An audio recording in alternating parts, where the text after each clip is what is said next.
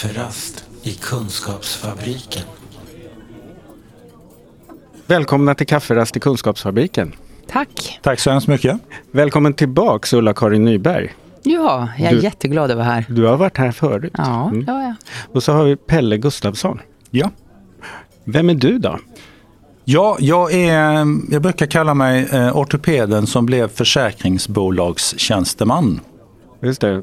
Så stäng inte av nu alla poddlyssnare, utan det här kommer bli intressant ändå. Ja, efter, efter många år som ortoped och som chef så fick jag för drygt sju år sedan frågan om jag ville ta över som chefläkare på landstingens ömsesidiga försäkringsbolag, LÖF. Just det. Och eh, som, det är dels ett försäkringsbolag, om man skadas i vården så har, är, är det det som patienterna kan få ersättning från. Det stämmer, ja. Eh, vi ska komma tillbaka, men Ulla-Karin, ska du säga lite vad du är då?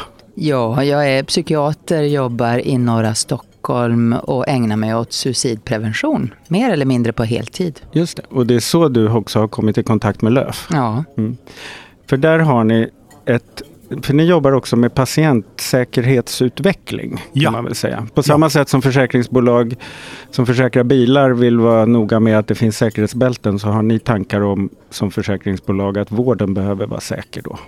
Precis, och det är ju en ganska naturlig del av ett försäkringsbolags verksamhet att försöka minska antalet skador. Det kan ju yttra sig om man byter hemförsäkringsbolag, att man får en brandvarnare eller brandfilt eller någonting. Ja.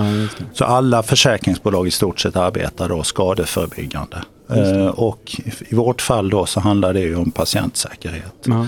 Vad, vad kan det vara för typ av av liksom, arbeten ni gör då?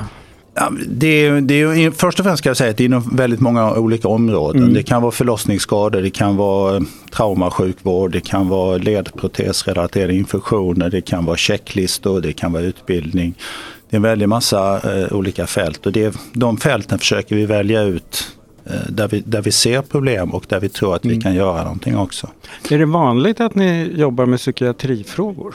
Nej, just det här projektet Säker suicidprevention är det första riktiga som vi Ja. alltså, dedikerat arbetar med, med, eh, med psykiatri och i det här fallet då suicidprevention. Ja, och ni har ju varit tydliga med att ni önskade er mer arbete med psykiatrin. Ja, det kan man säga. Eh, Det är ju ett stort fält, ett viktigt fält och det finns mycket att göra där också. Men det handlar ju också, i och med att vi är ett försäkringsbolag så har vi, vi kan ju inte uppträda som något annat heller. Vi, Nej, vi, kan ju inte Mm. uppträda som, som Socialstyrelsen till exempel och, och utfärda föreskrifter. Och vi kan inte uppträda som, som IVO som en inspektionsmyndighet utan vi får ju uppträda så som det vi är. ja, det. Och vi måste då samarbeta. eh, För vi bedriver ju ingen egen vård. Nej, just det. Eh, just det. Ni samarbetar med eh, regionerna om vad som behöver göras. Vår, vår, vår främsta eh, samarbetspartner det är faktiskt, vi går lite grann, brukar vi säga, förbi hela den här landstings och regionorganisationen. Så går vi rakt ner på där det händer. Ah, och ja. då samarbetar vi väldigt gärna med de professionella organisationerna och Ja. framförallt deras medlemmar. Okej. I det här fallet då Svensk psykiatrisk förening Ja. eller eh, Riksföreningen för psykiatrisjuksköterskor eller Svenska psykologförbundet. Mm. Och handlar det om förlossningsvård så är det med Barnmorskeförbundet och med förlossnings, Ja, alltså det. obstetriker och Det gynekolog. blir en slags professionsvinkel på, ja, vi det strävar väldigt tydligt. Då, ja. Ja, Mm. att, att få en, en, en tydlig professionell vinkel och att det är det professionella innehållet som vi är efter. Det. Inte så mycket det kanske organisatoriska. Just, då är det inte så konstigt att de frågar dig Ulla-Karin, som dels är psykiater och dessutom har jobbat mycket med självmordsfrågor Mm. och suicidprevention. Och det föll sig väldigt naturligt Ja. eh, tyckte vi alla i, det här, i den här arbetsgruppen Mm. Säker suicidprevention. Det är Mm. precis det vi behöver. Hur tolkar du gruppens uppdrag? Vad är det ni ska försöka göra? Ja, vi ska ju försöka besöka alla psykiatriska verksamheter i Sverige. Ah, ja. Eh, Spela upp hela vårdkedjan med hjälp av professionella skådespelare. Och vi Jaha, kanske kommer ja. tillbaka Mm. till den exakta tekniken. Men sen hoppas ju vi i slutändan att vi ska kunna ta fram nationella riktlinjer som syftar till en mer jämlik vård när det gäller suicidprevention. För att som det ser ut idag är det mycket ojämlikt över landet. Men det jag eh, liksom nappade på när jag hörde om det här, det var ju att ni i det här arbetet har tagit med själverfarna. Personer som har egen erfarenhet av suicidalitet och, och så. Hur kom ni på det?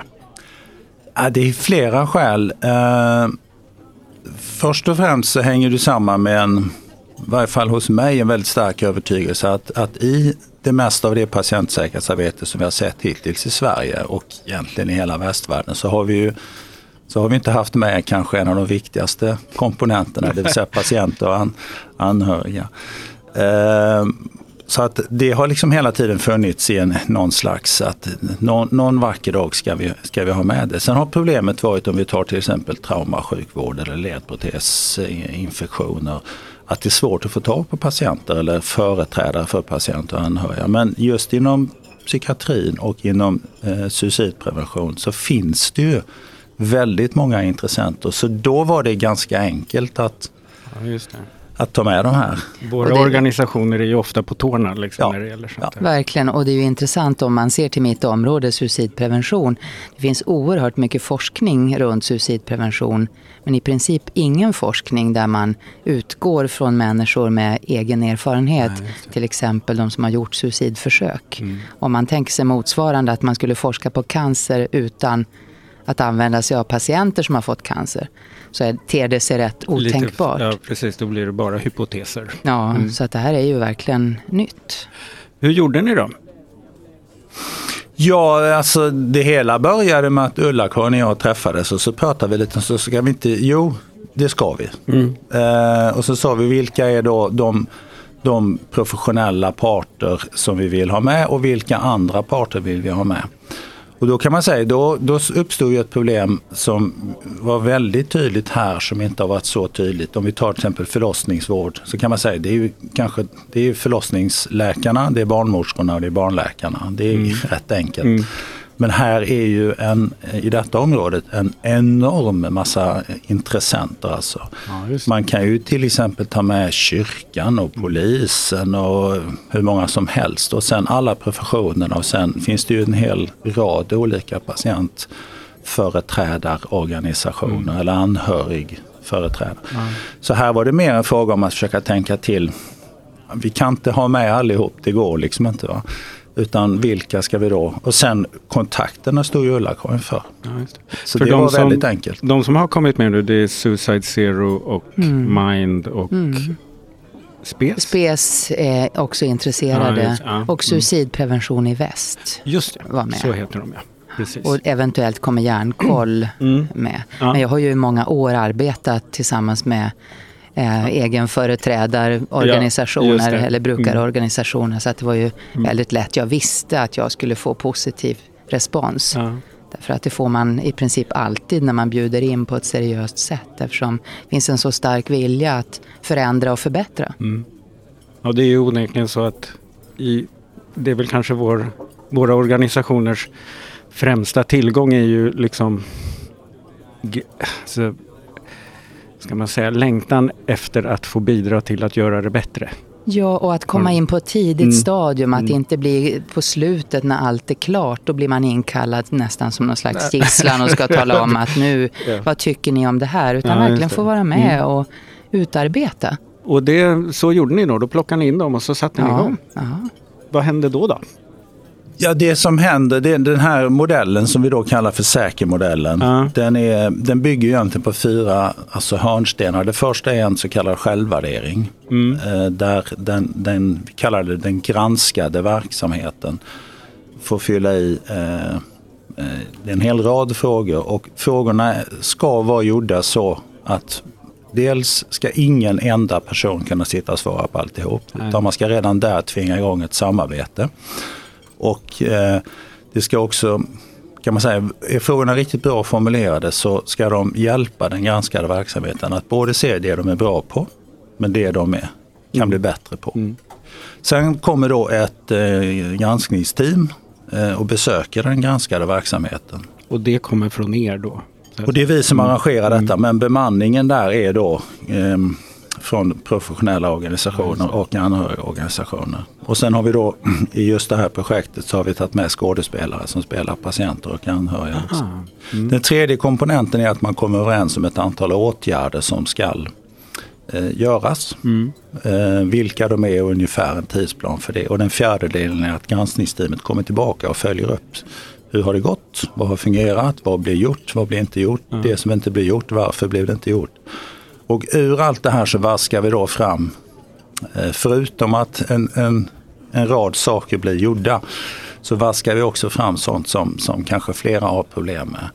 Mm. Exempelvis det som Ulla-Karin nämnde här att om nu riktlinjer och ja, hur vi behandlar, hur vi tar hand om de här patienterna varierar väldigt så är det kanske läge för en lite mer nationell samsyn. En, en slags riktlinje för att möta personer som kan vara i suicidalitet till exempel. Mm. Och det är så fantastiskt roligt. Jag måste bara, det här att spela upp vårdkedjan mm. och ha med hjälp av skådespelare. Eh, de som jobbar i verksamheten, de spelar ju sina egna roller. Så att det. det. kommer in en person som är högsuicidal, eller förmodas vara det. Mm. Och så får man spela upp precis hur man gör, hur information överlämnas, hur man pratar med varann, hur man gör suicidriskbedömningar, hur man tar hand om närstående, hur man lämnar över mm. mellan slutenvård och öppenvård och så vidare. Och så står vi där och ser eh, vad som händer i de olika stegen. Och det är ju oerhört nyttigt mm. att, att ha det perspektivet. Men blir det så då att de här själverfarna, ser de andra saker än er? Ja. De har ju, det är ju det som är poängen mm. med det här, att vi har alla olika perspektiv. Mm. Det, det, här ska inte vara ett läkarprojekt Nej, eller ett psykologprojekt eller ett renodlat professionsprojekt. Utan det här ska vara, som det är med suicidprevention, en teambedömning. Mm. Och har man egen erfarenhet har man ju kompetens och kunskap som är helt ovärderlig. Mm. Så de kan ju till exempel lyfta positiva saker, hur man tar hand om närstående. Det blev ju en sån. Det skedde ofta väldigt, på ett väldigt fint sätt. Mm. Men de kan också reagera på suicidriskbedömningen om den uppfattas som alltför strukturerad eller förutbestämd till exempel. Att man inte får plats för sin berättelse. Sådana ja, saker. Att det blir mer man själv har varit med om. Än, ja, manualstyrt är ju ett inte ganska... Inte så mycket öron och hjärna. Nej, nej. nej. Mm. Men det blir ett icke-fördömande klimat. Det är mm. liksom man, man är, alla är med och, och deltar. Det blir inte att man står och pekar ut fel. Utan... Kafferast i kunskapsfabriken. Ulla-Karin, du har ju jobbat med våra organisationer och med, med brukar eh, själverfarna och så. Men du hade inte gjort det i så stor utsträckning om jag förstod det rätt. Nej. Vad, vad tycker du vad hände med det här projektet jämfört med andra projekt ni har gjort på LÖF? Då? Nej, det som jag tycker är den stora skillnaden om man jämför det är ju att man får in ytterligare ett perspektiv mm. eh, som är om man ska vara hårdra det lite grann så kan man säga att det är ju det som är det viktigaste perspektivet. Mm. Ja, det. Eh, och då kan man ju tänka sig, vi kan ju tycka till exempel att två dagars väntetid mm. eh, från den ena till den andra vårdinstansen, det är ju inget, det tycker vi kanske är ganska snabbt. Men sett ur, ur patientens ja, perspektiv så kan ju två dygn vara, vara hur långa som helst. Mm. Och den här eh, fördjupade förståelsen för det här eh, man, man, kanske inte ser det med samma, man kan tycka att det är små nyansskillnader men det är väldigt väsentliga mm. nyansskillnader. Och det har definitivt eh, det här samarbetet eh, med mm. de här, det har bidragit väldigt mycket. Då finns det kanske ingen väg tillbaks för LÖF heller i framtiden även när ni jobbar med andra områden sen? Nej. Att försöka få till oh ja. liksom mer, mer patientnärvaro och anhörignärvaro? Ja.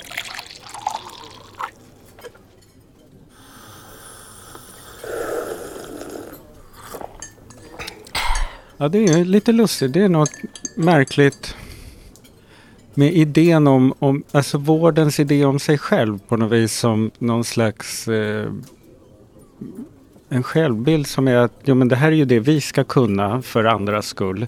Och då är det vi som ska hålla på med det. De där andra som, som vi är till för eh, ska vi de förutsätts inte kunna det på något konstigt sätt.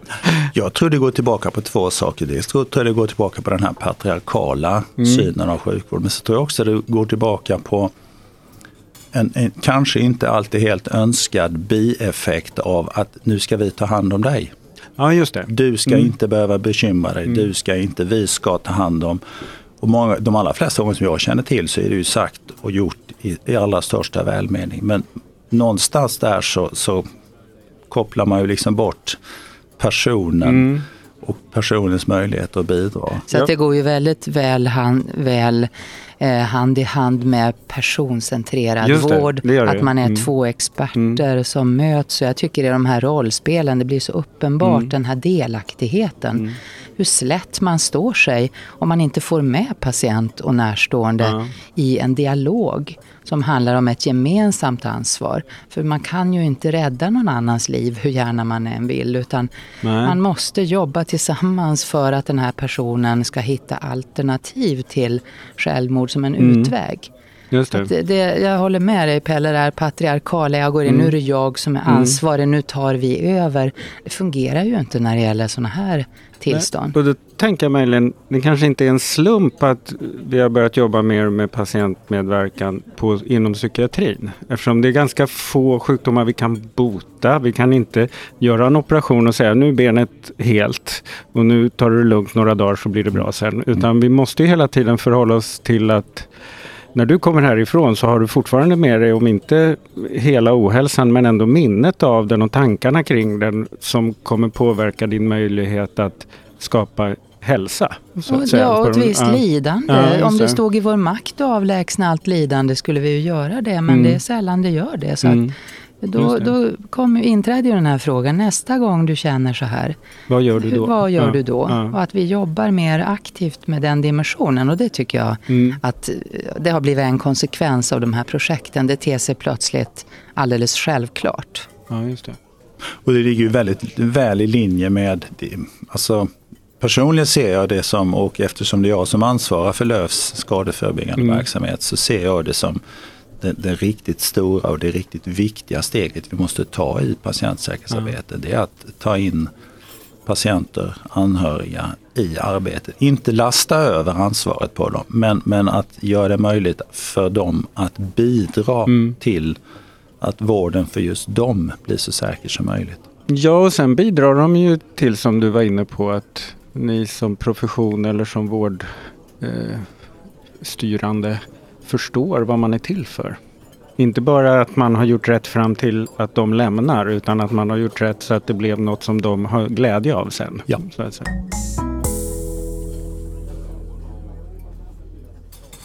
Vad säger de här verksamheterna där ni är ute och gör de här testerna? Hur reagerar de på? Jag tror att i början finns det en ehm, och det här har eh, inte gällt alltså enbart för säker suicidprevention. Det har gällt för alla de här projekten att det finns en, en viss skepsis. Och det tycker jag är bra att det finns. Man, jag menar, mm. Köper man vad som helst eh, mm. eh, på första försöket så är man ju lite aningslös kanske. Eller någonting. Men det ska finnas en viss skepsis och det har funnits här också. Sen finns det eh, en liten, eh, det här att, att det kommer någon att titta på en och, och granskar en och så här. Det känns ju också lite obehagligt. Eh, det, som, det som är så kul att se det är att eh, när då den här modellen appliceras och folk kommer igång och inser att nej, men det här är faktiskt syftet. Det är inte att någon kommer hit och sätter betyg på oss utan syftet är att det kommer hit kollegor som, som ska hjälpa oss att bli bättre. Mm. Då vänder det ganska snabbt till mm. att eh, någon slags stolthet, eh, att visa upp både vad man kan men också en djup ödmjukhet faktiskt att det här kan vi bli bättre på. Och det är liksom det, det, tar en stund att bygga upp det här förtroendet men när det väl byggs, det har vi sett i de andra, så är det ju, det är ju fascinerande att se liksom vilket förtroende man kan bygga upp och vilken arena för professionell utveckling mm. man kan skapa. Den kommer inte med samma. Det tar ofta några mm. år men sen hör vi det och vi ser det i alla projekten att wow, vad kul, vad bra, här kan vi driva professionell utveckling tillsammans. Eh, arenan tillhandahålls. Eh. Just det. Men jag tänker, är det, jag får intrycket av vården ofta att när den ska förändra eller förbättra eller införa något då släpper den liksom ner något uppifrån och ner och säger nu ska ni göra det här. Det här är ju mycket mer att man går in där det ska hända och säger vi utgår från vad ni redan är bra på och så försöker vi göra andra, fler saker bättre. Och det för framförallt när jag är ute och pratar brukarinflytande med profession, då förstår jag också att hur lite inflytande de har. Ehm, just för att de får sitta och ta emot saker som kommer uppifrån men de får väldigt sällan skicka upp något och säga att när vi gjorde så här så blev vi så här mycket bättre. Kan inte fler göra så här? Det finns inte så bra kanaler för det. Men det börjar komma. I, mm. i norra Stockholm till exempel där sitter ju brukarrepresentanterna mm. med patientsäkerhetsarbetet och har ju ah, ja. mm. ovärdeliga mm. kunskaper som de kan föra vidare och ett antal projekt. Och då kan det också få gå uppåt? Ja, ja, ja. Oh, ja. Mm. Och de här projekten, jag, tycker, jag blev imponerad över att det har gått så snabbt. För jag har ju sett flera områden där vi har varit och granskat hur de har satt igång och jobbat. Och på bred front och fått med sig primärvården och letat rätt på utbildningar som de tycker mm. eh, passar och erbjudit dem till många. Och så det blir verkligen ringar på vattnet. Det, och det är just den här mm. balansen mellan det som inte fungerar optimalt och det som faktiskt mm. fungerar mm. jättebra som man är stolt över. Åstadkommer man en sån balans, det gäller ju också mm. patientmötet. Ja, om jag talar med dig, inte bara om dina problem, utan också om dina resurser och möjligheter, så har jag mycket större chans Precis. att vi kan jobba tillsammans mm. för att det ska bli ännu bättre. Så är det definitivt. Men ja, det är det där att börja spinna hjulet åt rätt håll liksom, så att eh, det blir positivt. Och också vara väldigt tydlig med att, att eh, alltså, det finns ju enorma utvecklingsresurser i, inom professionerna och det är mm. det som många gånger, alltså, jag, jag har själv varit fascinerad många gånger över vad, vad, vi i ett sånt här projekt efter en tid kan göra, kan driva, kan, kan åstadkomma.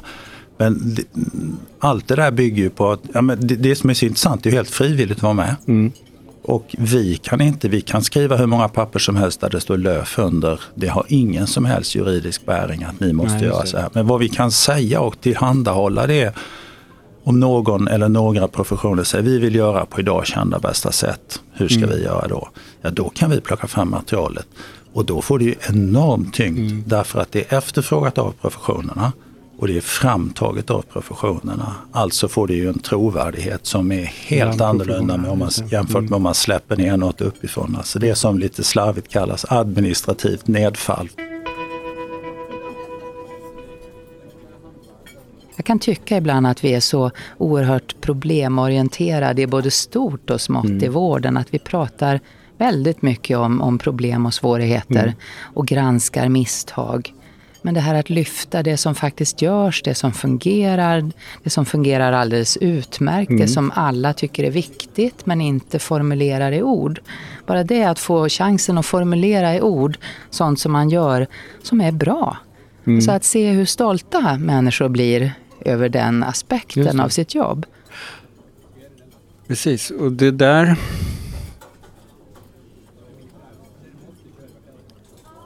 Det här blir en så löjlig retorisk fråga. Ja.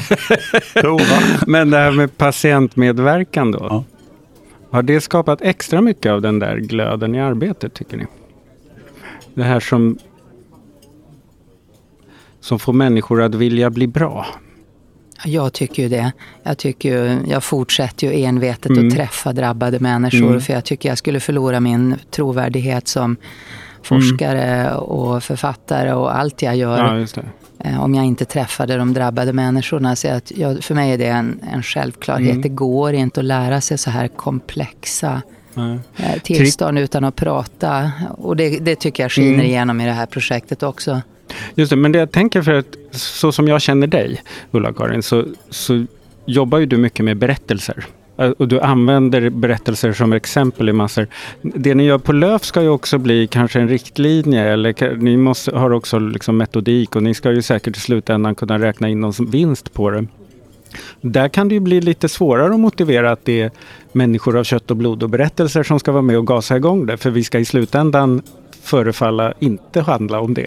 Fast det går att formulera berättelser det det. i ja. rutiner och riktlinjer. Det mm. går att vara tydlig med, det här är ju inte att, att hjälpa en människa att berätta, det är mm. inte en medfödd egenskap Nej. hos den professionella utan det är någonting som man kan lära sig. Man kan lära sig hur man gör. Det är tekniker, det är professionella interventioner. Just det, men då behöver ju även sjukvården vara en organisation och strukturer som främjar det. Mm. Just det. Och så är det inte mm. riktigt än. Men mm. med personcentrering mm. så är det ju faktiskt det som, alltså patientens berättelse vilar ju tungt i begreppet personcentrering. Jag vill komma tillbaka till det också. Jag, jag, jag tycker eh, jämfört med de andra fem säkerprojekten när vi inte har haft anhöriga eller patienter mm. eller brukare eller vilket ord vi använder. Så finns en extra nyans i detta och det är att det är den här signalen att nu, nu är de som, som det handlar om, som tar del av det som vi gör, nu är mm. de med och tittar också. Och det ger en lite extra, alltså, att, en liten tillskärpning av frågorna som jag tycker ja, är väldigt fascinerande med det här. Mm. Och eh, som, sagt, som jag sa då innan, att det är inte helt enkelt att hitta kanske eh, alltså organisationer som, som kan bidra inom de andra områdena. Mm. Men, men här var det väldigt naturligt och det har definitivt eh, mm. adderat en dimension till det här. Alltså att det finns en part till som, som, som är med och tittar och den parten kan väldigt mycket om det här.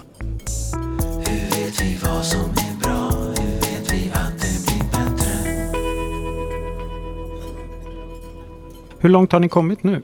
Vi har kommit till, eh, vi körde ju en pilotomgång, det gör mm. vi alltid. För att liksom testa modellen mm. och testa frågornas formuleringar så att det inte är missförstånd och liksom tidsplanering och massa sådana saker.